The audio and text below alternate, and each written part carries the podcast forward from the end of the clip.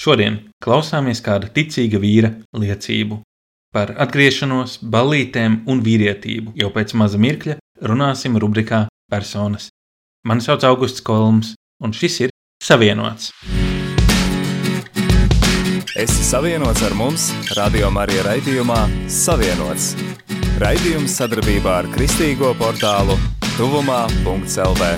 Uzklausām, vērtējam, izpētām un iesakām. Trešdienās, pulksten piecos pēcpusdienā. Esi savienots! Rubrika Personas. Ar tevi raidījums Savienots! Šodien raidījumā Savienots viesojas Jānis Upītis no Rīgas Jēzus evaņģēliski luteriskās draudzes. Atklātības vārdā man ir jāatzīst, ka esmu iesvētīts Kristīgajā baznīcā vienā reizē ar Jāni pirms vairāk nekā desmit gadiem, un arī laikā pēc tam esam kopīgi iesaistījušies dažādās draudzes aktivitātēs. Taču, ja man iesvētības Kristīgajā baznīcā bija vienkārši nākamais solis pēc Svētdienas skolas vecākās grupiņas pabeigšanas, tad Jānim tas nāca mazliet vēlāk viņa dzīvē. Jāni, pastāst par to, kā tu iepazini kristīgo ticību, vai varbūt jau tavi vecāki bija ar tevi bērnībā par to runājuši? Es tīri par ticību kā tādu uzzināju tikai pēc tam par vecāku ticību, kad es iegāju reāli draudzē. Un draudzē ienākšana bija tāda, ka tas notika caur lūdziņu. Mums bija lūdziņas draudzē, un man uzrunāja un iesaistīja tajā draudzes lūdziņā. Un eh, teica, lai atnākot un paskatoties, pamēģinot.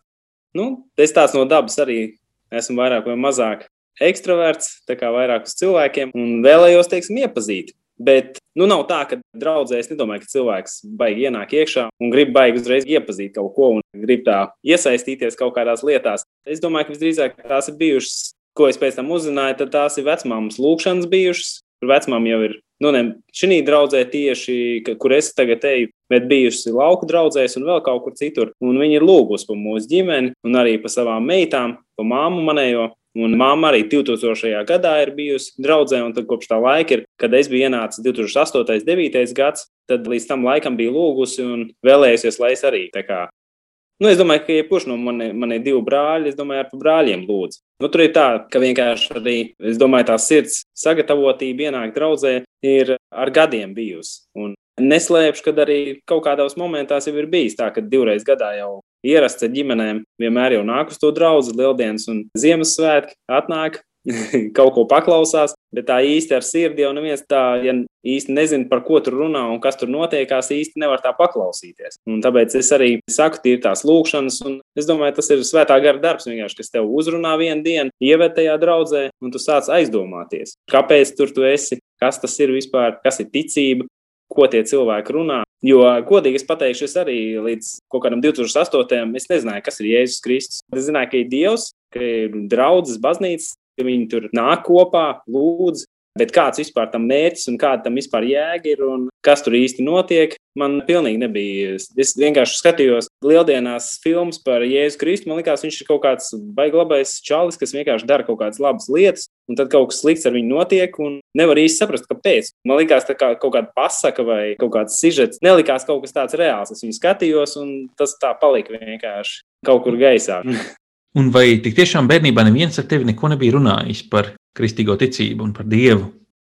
Nē, nu bērnībā bija tā, ka nu, Jēzus evanģēlis Lutheriskajā draudzē es esmu gājis, kur es tagad eju arī. Es esmu bijis jau bērnībā. Kristīts, iesvētīts esmu vēlāk, bet biju kristīts. Līdz ar to arī vecmāma man bija vedusi arī uz svētdienas skolu.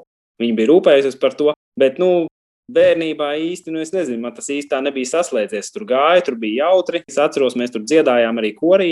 Mazajā korītī man likās forši tā kopā ar draugiem pavadīt laiku. Bet tad jau ir tā, ka, nu, skola, treniņi un vēl citi draugi un kaut kādas citas lietas, viņas jau vairāk vai mazāk tevi aizrauja pasaules virzienā, un ja tas tev īsti nav bijis kaut kas svarīgāks, par tām lietām, tad līdz ar to arī tu aizēji projām. Un vecmāmiņa pamatā dzīvoja laukos, viņa pārvācās, tad līdz ar to arī maniem vecākiem īstās ticība nebija tādā līmenī, tad viņi arī vairāk tā atbalstīja, nu, kad bērnam ir jāizglītojas gan sportā, gan izglītībā pirmā vietā, vairāk uz tādām lietām virzījās. Bet, nu, pēc tam, kad Arī vecāki nāca pie ticības, arī vecmāmiņa atgriezās teiksim, Rīgā. Viņa jau nevarēja laukos tur ar visām tām lietām. Tad līdz ar to arī draudzes apmeklējums bija savādāks. Un es varēju vērot to, kas notiek mūsu namā, ka viņi jau lūdz Dievu, un kad lasa Bībeli, tās lietas vairāk vai mazāk ir acu priekšā man arī, un sāk nedaudz tādi jautājumi rasties, kas tas ir, un līdz ar to arī tas nav vairs tāds svešs, sveša lieta, Dieva vārds un pārējās lietas. Tu minēji, ka ienāci Jēzus draudzē caur ludziņu, tas ir caur Ziemassvētku uzvedumu. Iespējams, vairumam klausītāju tas varbūt saistās ar klasisko Betlēmas cilītes ainiņu, bet Rīgas Jēzus draudzē šī tradīcija ir bijusi daudz vērienīgāka. Pastāst vairāk par to, kā tas bija. Jā, nu, mums draudzē bija tāda tradīcija katru gadu. Tas bija tāds kā milzīgs pasākums. Es teiktu, tur bija, man liekas, lielākā daļa draudzes iesaistīta. Tur bija gan praktiskās lietas, gan arī visiem, kam ir iespēja tēlot un piedalīties un sevi realizēt tādās lietās. Es personīgi ļoti lielu prieku redzu sadraudzībā. Un tas ir tāds moments, kur lielākā daļa draudzes notiek šī sadraudzība. Tas ir tas laiks, kad tu nāc uz mēģinājumiem, visi nāk kopā, kāds atnes kaut ko, kāds kaut ko no našķiem vai kaut ko parunājās pa ikdienām, pa visu kaut ko uzzina viens par otru vairāk, arī aizlūdz pa kādiem, kam vajadzīgs ir. Iestājās arī kaut kādas atziņas pa ikdienu, arī pārdomas var pastāstīt arī. Nu, tas ir tāds sadraudzības laiks, un, protams, arī grūtības. Tur ir daudzreiz ir pārguruši cilvēki, arī daudzreiz arī nav viegli arī, teiksim, panest tādas lietas. Bet nu, bija ļoti labs laiks, vairākus gadus mēs tur piedalījāmies un daudz ko darījām. Un paldies Dievam ar idejām, lūdziņas režisoriem, visiem, kas izdomāja visus tos sižetus. Bet tie pamatā ņemti no Bībeles, bet sasaistīti ar mūsdienu vienmēr bija. Paldies par tām idejām. Tās, es domāju, arī Man personīgi arī sākumā bija tādas ļoti spilgtas emocijas par to, kas tur notiek tajā ludziņā. Es daudz ar sevi sastaistīju arī tajās dažās epizodēs, kas tur bija. Un tas bija tāds arī, nu, es teiktu, tas būtu tāds Ziemassvētku gavēnis, kad bija ļoti maz laika kaut kādām citām lietām, jo mēs jau, man liekas, no septembra jau sākām tos mēģinājumus, visam gāja cauri, un tad bija tie vakari ļoti aizņemti. Arī bija citas kalpošanas, tad tu tuvojies tā tādai dzimšanas dienas, jēzus dzimšanas dienas dāvanai, ko tu viņam pasniedz tajā vakarā. Es ļoti, ļoti pozitīvi, man ļoti patīk viss tas process, kā mēs to veidojām, darījām, un viss tā sadraudzība, kas veidojās arī draudzē. Un tādā veidā, es domāju, arī ir viegli cilvēkiem arī ieaugt draudzē un saprast vienkārši, kāda ir draudzes dzīve, ka cilvēki daudzreiz ir ļoti līdzīgi tev, un nav nekādi pārcilvēki vai no kaut kādas citas planētas, vai kaut kā cita iedomājās, ka tur pārāk svēti vai ne tādi. Un vairāk cilvēki vienkārši saprot, ka atrod sev cilvēks, kas sniedz viņiem atbalstu vairāk arī emocionāli ikdienai un pārvarēt kaut kādas grūtības arī un saprot, ļoti svētīgs laiks man bija. Un arī ienākot draudzē, es varu teikt, ka tas ir kaut kāds 2008. un 2009. gads. Pirms tam es strādāju, man šķiet, bankā vai kaut kur es kaut kādā iestādē, un tur nāca tā lielā krīze valstī, kas bija tā saucamā. Nu, es viņu baigi neizjūtu. Man bija tā, ka es ienācu draudzē, un man bija ļoti grūti saprast to dievu vārdu, jo es tā pamatā viņu uztvēru tikai svētdienās. Un tad bija tāds jautājums man priekš sevīm, vai ar to man pietiek. Un bija tāds lēmums, es pieņēmu, ka es aiziešu no darba projām. Jo bija pārāk daudz arī uzdotas tie visi darba pienākumi, jo cilvēki tika atlaisti no darba, un līdz ar to tie darba pienākumi tika sadalīti nu, starp pārējiem cilvēkiem. Līdz ar to es sapratu, ka nu, ir emocionāli grūti šajā laikā, un negribējās turpināt tur darbu.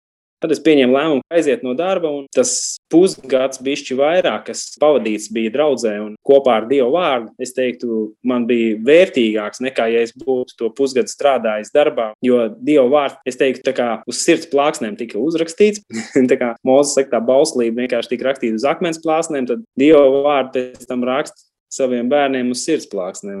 Man tas vienkārši bija tā, ka es saņēmu viņu vēl vairāk apstiprinājumus no Dieva, arī sprediķos es saņēmu atbildes no tā, ko es biju lasījis. Un tas man bija tik ļoti svētīgi, ka es pēc tam arī varēju daudz kur kalpot, iesaistīties, bija tāda dedzība. Es nesaku, ka tagad nav, bet tagad tāda pārdomātāka dedzība ir visām tām lietām, es saprotu.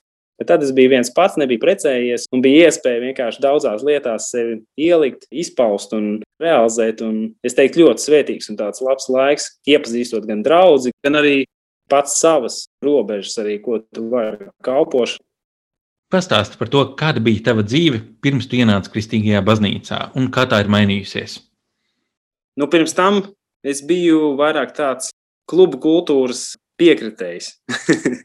tie, kas ir bijuši klubiņos un vēl vis kaut kur tusējušies un tā tālāk darījuši, nu, pasaulīgā vidē, es domāju, ka tie ļoti labi saprot, ko tas īsti nozīmē. Nu, īsi sakot, vienkārši es teiktu, tāda izvirtusi un pašpietiekama vide, kurā tu vienkārši dari visu kaut kādas muļķības daudzreiz, un viss tev tiek apmēram piedots. Kaut kas tam līdzīgs. Bet es teiktu tā, ka man noteikti nomainījās arī draugu lokus, pie kura es tā vairāk sāku pievērties. Es vairāk sāku nākt uz draugas pasākumiem un ar jauniem draugiem, kas ir draudzē. Sadraudzību svinēt, un vairāk vai mazāk arī to izjūt manējie pasaules draugi, kad es ar viņiem nu, pārāk vairs netusējos kopā, vairs uz viņu balīti neju, un tā saikne pazūd. Un es neteikšu tā, ka pavisam man viņa pazuda, ka es viņus atstāju novārtā vai kaut kur vispār aizgāju projām no tā. Es teiktu tā, ka ar viņiem vairs nebija tik interesanti, kā bija agrāk. Manā gadījumā Dieva vārds tās izmaiņas veica pamazām. Viņš manu sirdi mainīja pamazām. Tur nebija tā, ka vienā momentā es sapratu to, ka man tādi draugi vairs nemūžam nederēs, vai es nezinu, vai tā dzīve, kas man pirms tam bijusi, ka tas ir pilnīgs ārprāts, vienkārši ko es tagad daru.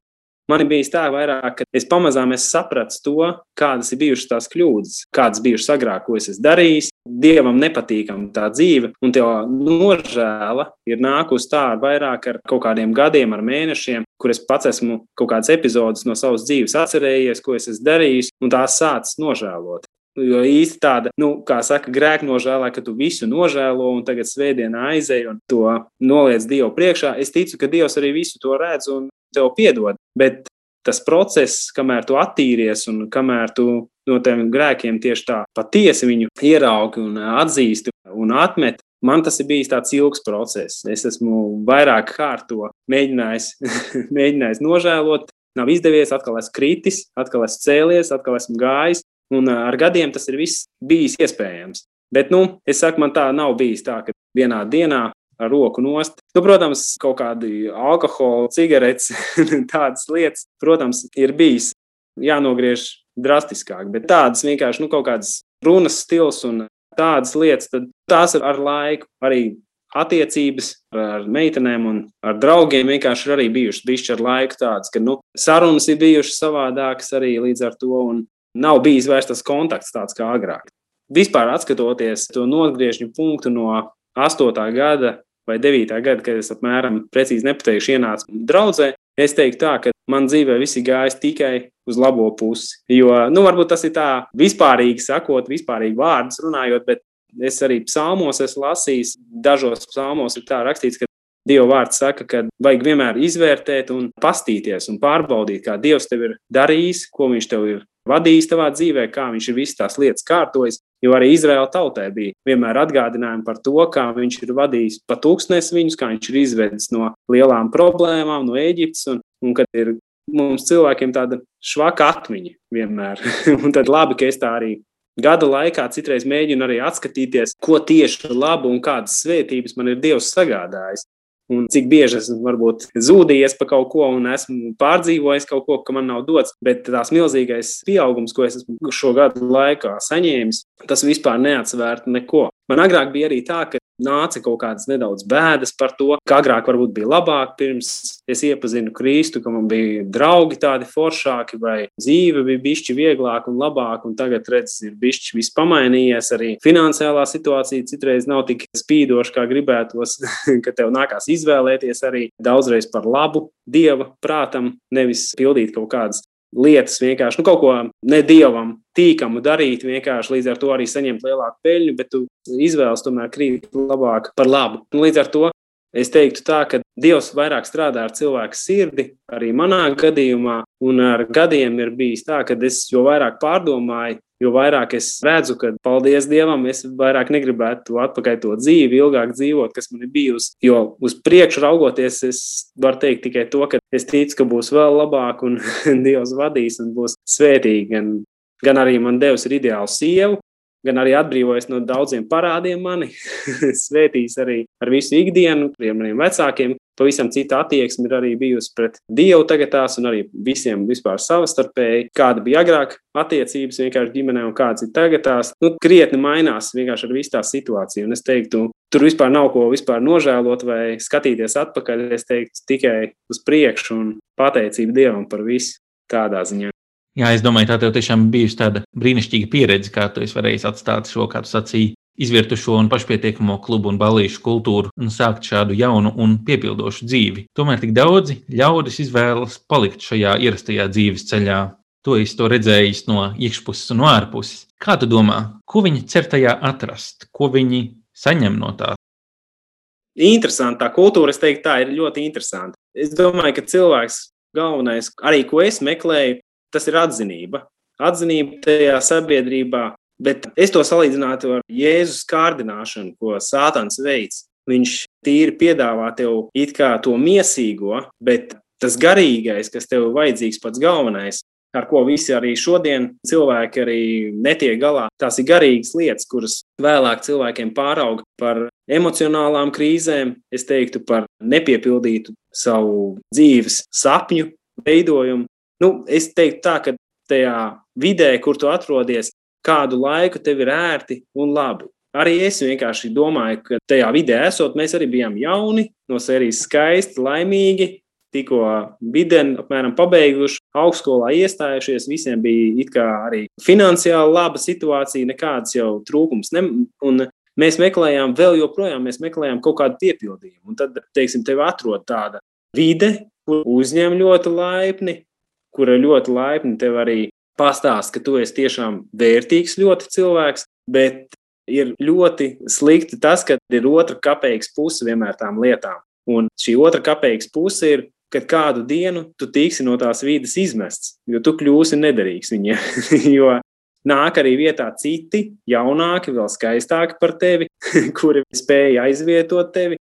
Un tu lēnām saproti to, ka tu kļūsti jau nederīgs tai, tai videi, tai pasaulē. Jo es sapratu to, ka nu, man jau bija arī pāri 30 gadiem, nu, cik ilgi tu ies ar uz tiem klubiņiem, cik ilgi tu apmēram vazāsies. Tā, nu, apkārt cilvēki jau sāk precēties, sāk jau dibināt ģimenes, un tev ir tāda psiholoģiska problēma. Tāpēc es tā domāju, kāds ir man piepildījums dzīvē, ko es ar savu dzīvi teiksim, vēlos vispār sasniegt un izdarīt. Jo man bija arī parādi lieli, Līdz ar to arī atkarības kaut kādas sāk veidoties, arī nu, alkohols un cigaretes un vēl kaut kādas lietas. Narkotikas arī neslēpšu. Līdz ar to tu sāc arī meklēt to jēgu, līdz kuram robežai tu vispār iesi un kas būs tālāk. Paldies Dievam! Man nebija nekāda super krīze notikusi, kad es 8. gadā atnācu vai 9. atnācu uz draugu, un es spēju tajā ieiet, saprast tās lietas. Man nebija tāds, jo citreiz saka, ka cilvēki nonāk līdz tam zemākajam punktam, un tad viņš tā kā spēja nākt pie Dieva, spēja kaut kādas atziņas vairāk savākt savā dzīvē. Es teiktu, tā, ka Dievs zina īsto momentu, kad uzrunāt cilvēku, un es teiktu, manā gadījumā tas nebija arī nekāds emocionāli zemākais punkts, kurā viņš man uzrunāja. Es biju it kā pašpiepildīts, bet tomēr man kaut kas trūka. Es teiktu, tā, tas bija tas tukšums manī, kas, ko var aizpildīt tikai Dievs. Un viņš man uzrunāja, un es arī priecīgs arī atsaucos. Es ticu, ka arī citi cilvēki var neatsaukties priecīgi, bet nu, es domāju, ka šī kultūra, klubu kultūra ir līdzīga kā draudzes kultūra. Draudze tikai tevi aicina uz mūžīgo dzīvību, uz kaut kādu piepildījumu, kas ir mūžīgs un kas tiešām piepilda. Bet sātans atkal ir šī, šī viltība, kurā ir īslaicīgs piepildījums ar īsu termiņu, kur tev nav ne ticības vajadzīgs, ne gaidīšana, ne pacietība. Tev viņš tāds īslaicīgs labums, ko viņš tev sniedz. Draudz, es teiktu, tā viņi sniedz ilglaicīgu tādu labumu tavai dzīvei, bet tev tur ir jānorūda gan pacietība, gan izturība, gan arī ticība tavā dzīvē. Jā. Un tas ir kaut kas tāds, ko mūsdienu cilvēkam ir ļoti grūti saņemties un ieiet tajā visā iekšā. Jo tas informācijas pārblīvējums un tā vajadzība, kā tevi spiež tā ikdiena, viss tās darbs un izspiež tā kā citrons daudzreiz, un tas emocionālais ir vajadzīgs tagad, tūlīt, un piepildījums ir vajadzīgs tagad un tūlīt, un cilvēks nespēja vairs paciesties, norimt, ieklausīties kaut kā. Teiksim tā, man tas tā ir bijis vairāk tāds atziņas jautājums.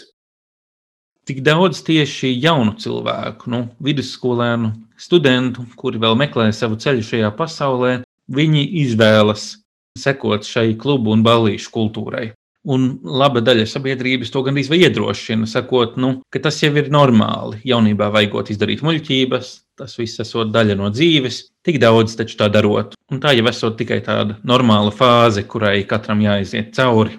Tu esi ilgāku laiku bijis jaunatnes darba vadītāja komandā Rīgas Jēzus draugzē. Vai tavuprāt, šī, sacīsim, pasaulīgā kultūra kopumā tomēr ir tāda, nu, normāla un vairāk vai mazāk nekaitīga parādība, vai arī jaunieši rīkotos prātīgāk, ja viņi to tomēr noraidītu?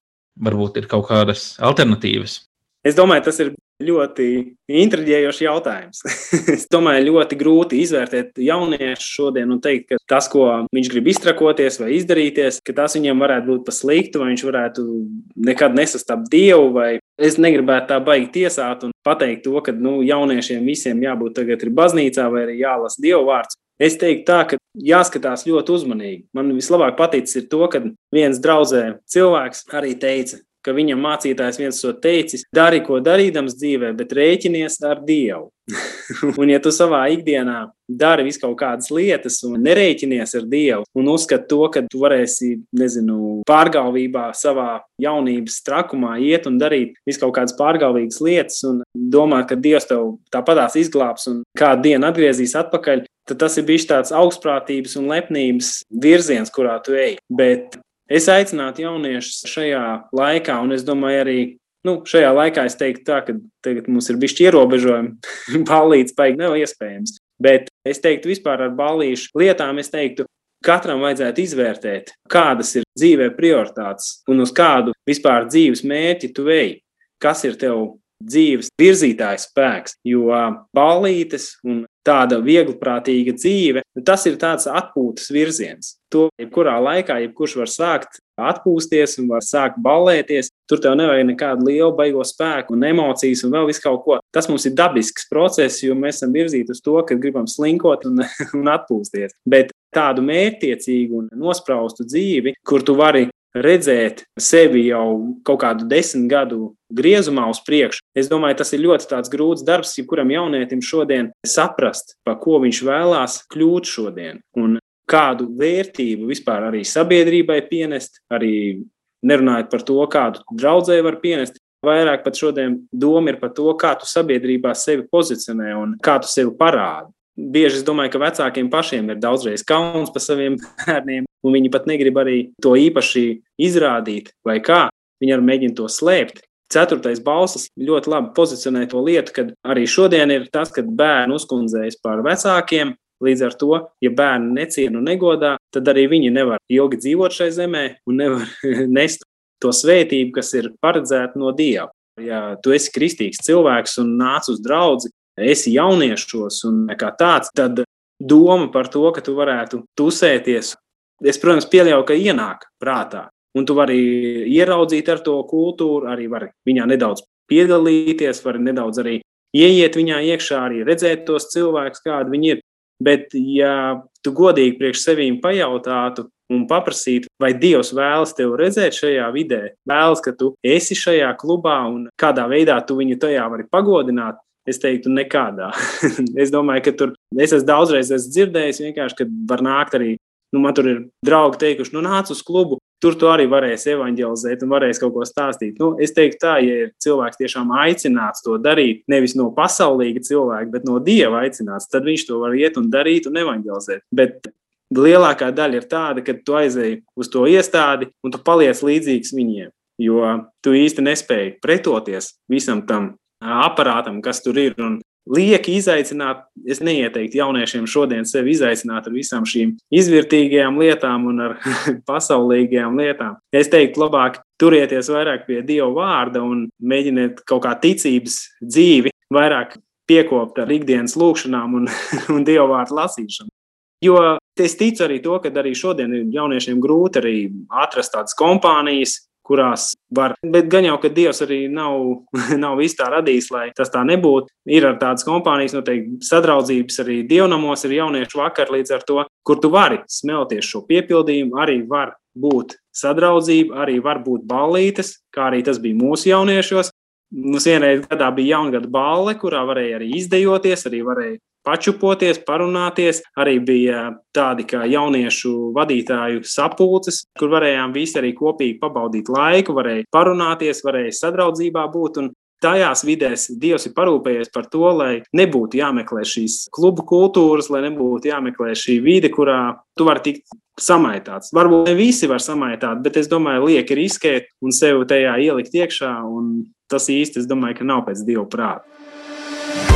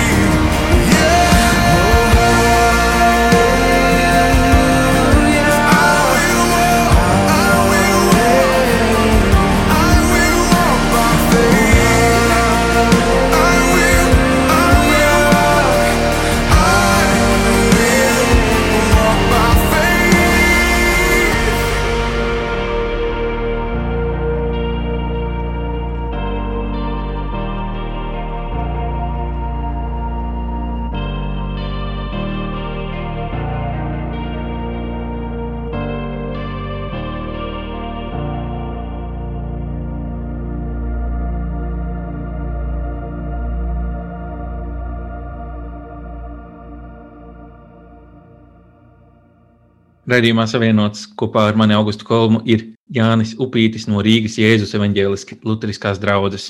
Jāni, varbūt vari padalīties, kas ir tev palīdzējis tavā ticības ceļā? Vai ir kādas nu, garīgas prakses šī jēdziena plašākā izpratnē, ko tu varētu ieteikt kā labas un noderīgas?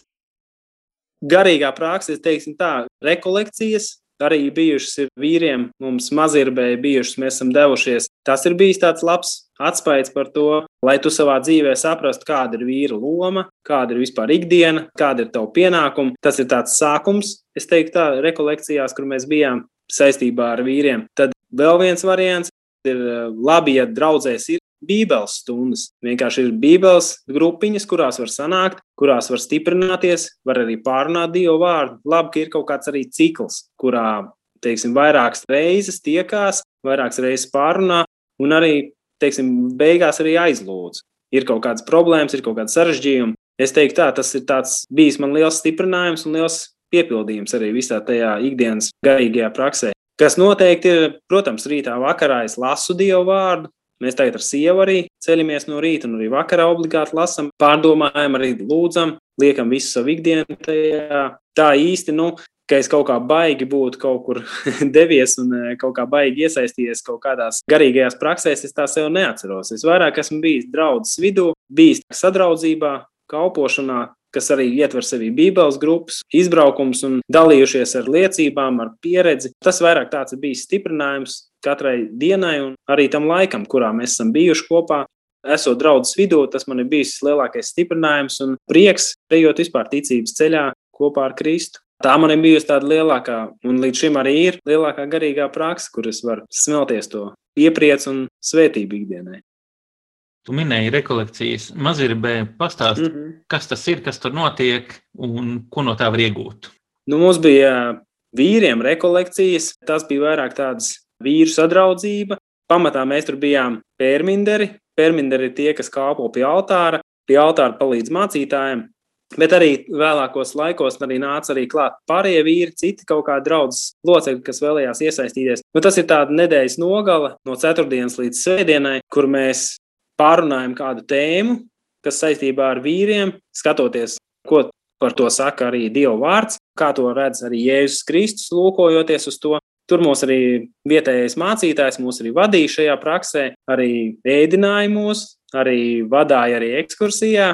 Varējām pa vietējiem visur iztaigāties arī.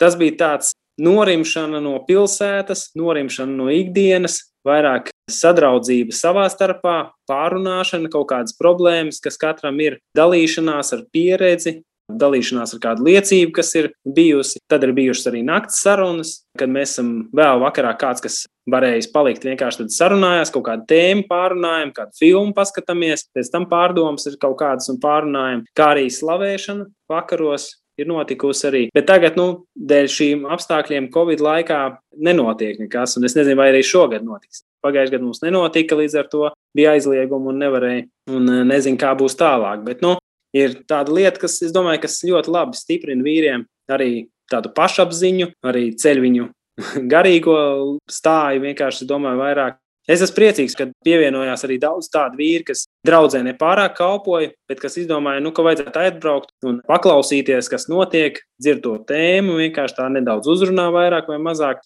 Un tad kopībā vienkārši visi arī vairāk vai mazāk arī iepazīst viens otru. Un es domāju, arī tādā veidā ir vairāk vīri ir iesaistījušies kādās kalpošanās, tālāk un sapratuši savu aicinājumu. Un es domāju, tas ļoti labs atspējs bijis arī šim laikam.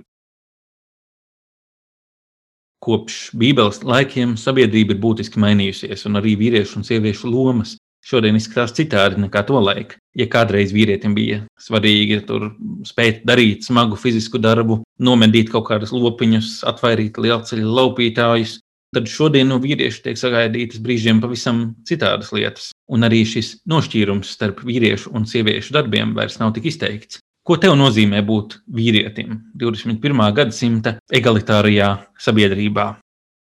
Nu, es domāju, pirmkārt, tā ir atbildība. Ar atbildību es saprotu to, ka tas ir gan materiālā, gan finansiālā, gan arī noteikti arī garīgā atbildība par to, kurā virzienā tu ģimeni vadi. Es neteiktu tā, ka tas ir tāds nezinu, vienpersonisks, baigais lēmums, un ka tu tā despotiski visu to vadi un dari tajā ģimenē. Es teiktu, tā, tā ir sadarbība arī ar sievu. Un es domāju, ka vajag arī just, kādas ir sievas loma tavā ģimenē, kā viņa jūtās. Jo mēs pašlaik laulībā esam gadu, bišķi vairāk, un tikai tagad es esmu reāli vairāk vai mazāk sapratis arī emocionālo stāvokli, kāds ir sievai, kad viņa vairāk norūpējusies, kad viņa ir mazāk norūpējusies, kā viņa grib kaut kādas lietas, lai risina, lai dara. Arī tās pašas finanses, kā mums jāplāno un kā viss jādara.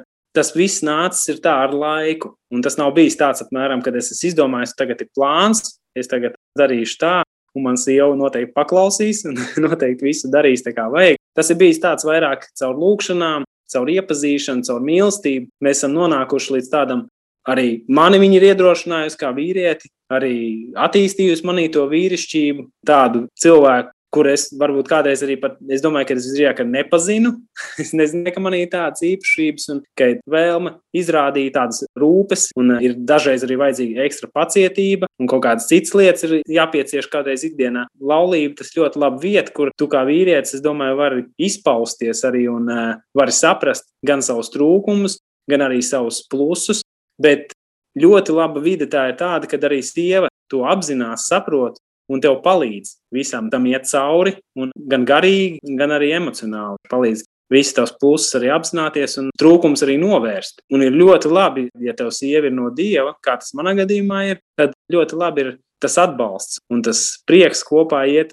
Un ir tas garīgais vienotība. Un es nejūtos nevienā brīdī, kad es kādas lietas, ko vīrietim vajadzētu paveikt un izdarīt, ka es viņas kādreiz neizdaru. Es nejūtos apbēdināts vai nonicināts vai kaut kādā veidā pazemots ģimenē. Sieva arī to saprot, arī ikdiena mums ir dažāda un uh, dažādas problēmas un kaut kādas ikdienas rūpes un raizes. Tāpēc mēs viens otru vairāk tā, ka mēs tā kā komanda vairāk darbojamies, viens otru ceļam un viens otram stimulējam tās īpašības, kuras Dievs ir iecerējis no vīrieša saņemt un no sievietes. Tad mēs vairāk rūpējamies viens par otru, lai celtu viens otru to lomu, nevis lomu, vietu īsto, kas ir ģimenei vajadzīgs tev parādīt. Un noslēgumā Es domāju, ik viens, kurš tevi pazīst, zina, ka tu esi vienmēr smaidīgs, prieka pilns cilvēks. Salīdzinājumā ar tevi es pats noteikti neesmu sevišķi dzīvespriecīgs radījums. Kāds ir tavs noslēpums, un vai to var iemācīties? Nu, dzīves prieku, es domāju, ka var iemācīties arī kādā dzīves posmā, arī iegūt. Un es domāju, ka to, es domāju, vajadzētu arī mēģināt vairāk mums cilvēku arī pie sevis strādāt ar to. Prieks man ir vienmēr bijis satiekot cilvēkus, vispār skatoties, atrodoties viņu sabiedrībā. Ja arī tā bijusi kristīga vai nekristīga sabiedrība, es vienmēr esmu bijis eh, pozitīvi noskaņots pret cilvēkiem, kas tur atrodas. Jo man patīk būt ar cilvēkiem kopā, ar viņiem parunāties. Un nekad nav bijis tā, ka ir bijis kaut kāds negatīvs iznākums vai bijis kaut kāda negatīva situācija. Jo Es arī esmu vairījies, protams, no tādām situācijām, kur ir kādas negativitātes vai kaut kādas citas lietas, kuras neraisa tevī prieku vai piepildījumu. Bet, teiksim tā, ka agrāk man ir bijis tas prieks, bet viņš nav bijis tāds, kā pēc tam, kad es ienācu, esmu draudzē, jo šis prieks ir bijis tāds īslaicīgs, un šo prieku tu nevarēji paturēt ilglaicīgi. Arī es vienkārši redzēju, ka daudzreiz arī draugiem bija problēmas, un viņi mēģināja tās risināt, Un es mēģināju viņus arī kaut kādā veidā iepriecināt un mēģināt nomierināt ar pasaulīgiem līdzekļiem un vēl kaut kādām, bet es sapratu, ka tomēr tas nestrādā. Ienākot draudzē, iepazīstot dievu mīlestību, iepazīstot vispār draudzes vidi, kā tas notiek un, un kā vispār Dievs darbojas ar pie draudzes cilvēkiem, es sapratu, ka tas prieks ir kaut kas tāds, kas nāk no Dieva. Katram cilvēkam viņš ir ielikts citam vairāk, citam mazāk, bet tas gara auglis, prieks tomēr ir visos. Cits viņu izrāda vairāk, cits mazāk. Es teiktu, tā, ka nevajag par to baigi pārdzīvot citiem cilvēkiem. Visi mēs priecājamies par to, ka mēs esam pestīti, mēs esam Dieva bērni. Un tas prieks bieži vien ir tā, ka cilvēks vienkārši viņu mēģina mākslīgi izrādīt. Tas var beigties ļoti, ļoti slikti. To ātri vien, jebkurš cilvēks varēs saprast, ja tu mēģini kaut ko uzspīlēt vai mēģini notēlot kaut kādu prieku. Es teiktu, tā katram jācenšas vairot to, vairāk, kas viņā ir. Manai varbūt ir prieks vairāk, citā varbūt vairāk ir mīlestība, citā varbūt ir labprātība, draudzē ir dažādi cilvēki, un katrs ar savu augli, kas viņā ir vairāk izteikts. Viņš var droši celt draugu un var vairāk piepildīt to svētīgo ceļu, ko Jēzus ar savām miesām ir paredzējis, ka katrs ir savā vietā un dara savu pienākumu. Mēs visi esam viena jēzus miesa, un līdz ar to arī katrs atbildam par savu augli, kuru vairāk mums kungs ir piešķīris un ko mēs varam vairāk nest. Amen, brāl, amen. Tiešām paldies tev par laiku šovakar. Amen.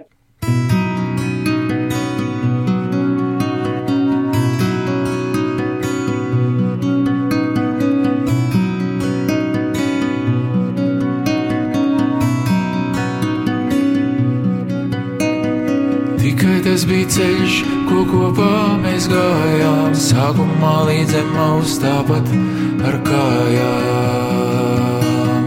Tikai tas bija ceļš, ko kopā mēs gājām, sākumā līdz emaus pēc tam. Pie tēva uz mājām.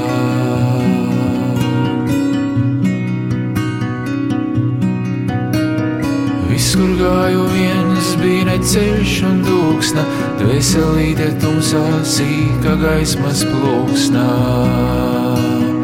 Viss, kur gāju viens, bija neceļš un dūksna, dvēselīte izmisuma tumsā, līdz modās lūksnā.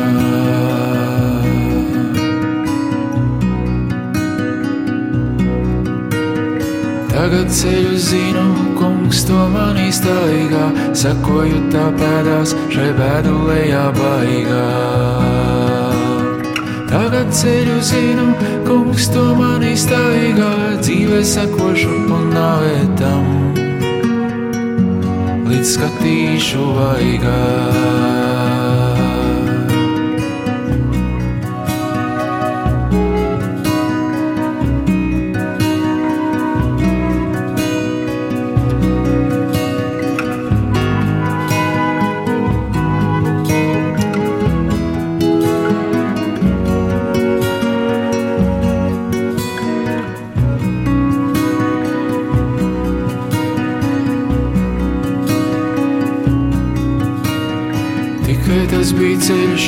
Kopā mēs gājām, sākumā līdz emaus tāpat ar kājām.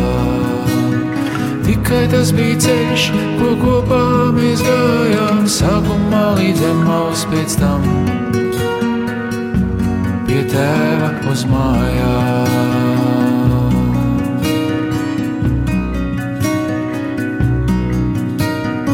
Tikai tas bija ceļš, ko kopā mēs gājām. Sākumā tas bija ceļš, tā kopā mēs gājām. Tikai tas bija ceļš, ko kopā mēs gājām.